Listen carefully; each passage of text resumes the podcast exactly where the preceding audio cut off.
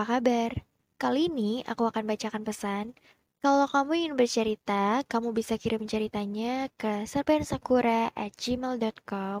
Terima kasih banyak untuk semua yang udah kirim dan mau bercerita. Untuk kali ini, begini ceritanya.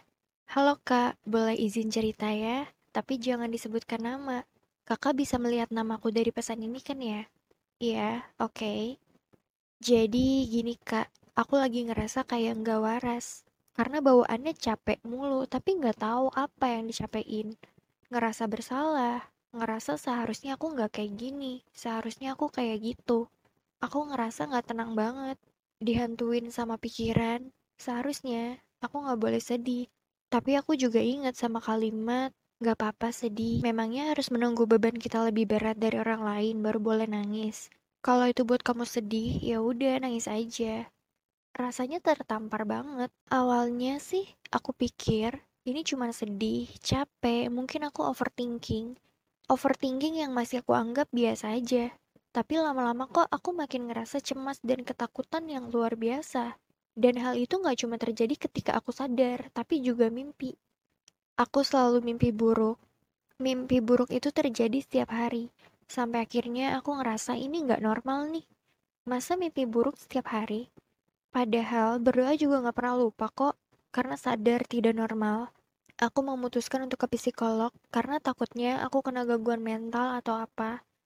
Setelah aku ke psikolog, benar saja, aku terdiagnosa anxiety dream. Aku dikasih obat yang di mana aku harus meminumnya setiap hari. Jadi aku harus bergantung dengan obat itu. Kalau aku tidak meminumnya atau aku lupa aja, pasti aku langsung mimpi buruk. Obat itu untuk mengurangi rasa cemas, ketakutan, dan membuat jadi lebih tenang agar tidak mimpi buruk. Hidup berat ya.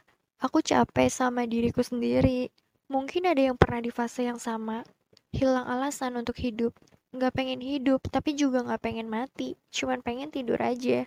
Ketika aku cerita ke orang-orang sekitar, karena cerita akan membuat kita lega kan, tapi setiap aku cerita, mereka malah menganggap aku dramatis.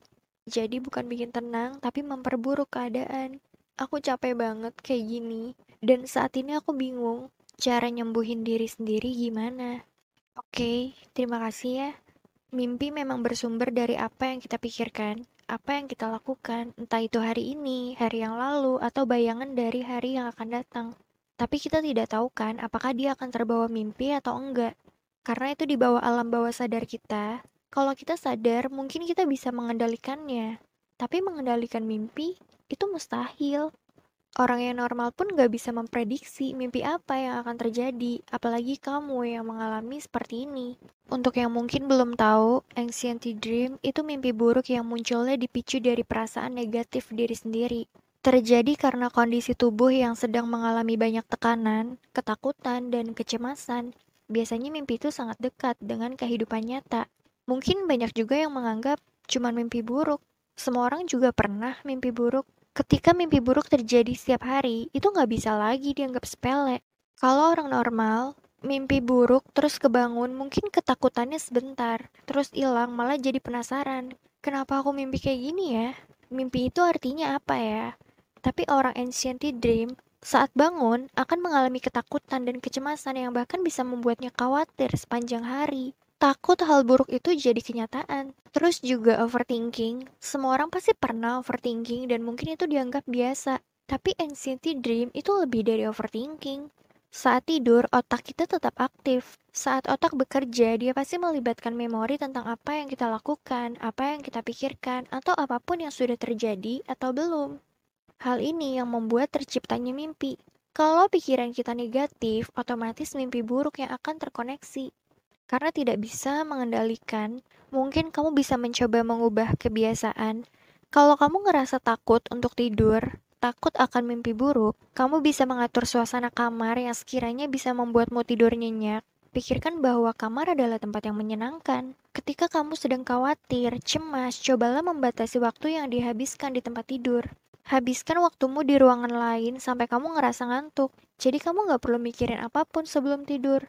Jadi kalau mau masuk ke kamar, kalau udah ngantuk, atau hanya melakukan aktivitas-aktivitas yang menyenangkan, pikirkan kamar adalah tempat yang menenangkan. Karena dengan begitu, akan membantu otak untuk memikirkan hal-hal yang menyenangkan. Jadi, kamu bisa tidur dengan suasana hati yang baik dan mungkin bisa terhindar dari mimpi buruk. Ini memang gak bisa mencegah mimpi, tapi ini akan membantu merelaksasi.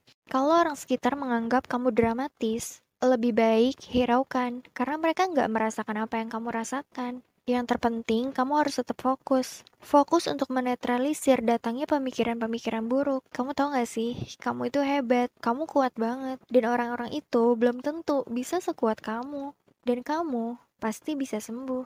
Jangan khawatir atas apa yang belum tentu terjadi, karena itu hanya akan menakuti dan menyakiti diri sendiri.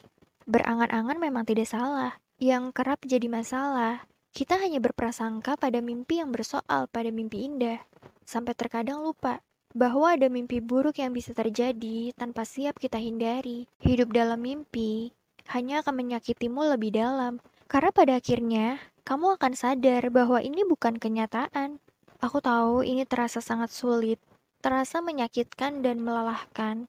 Tapi bertahanlah, sekecil apa pun alasannya. Bertahanlah hanya demi melihat matahari terbit. Bertahanlah walau demi apa pun kesukaanmu.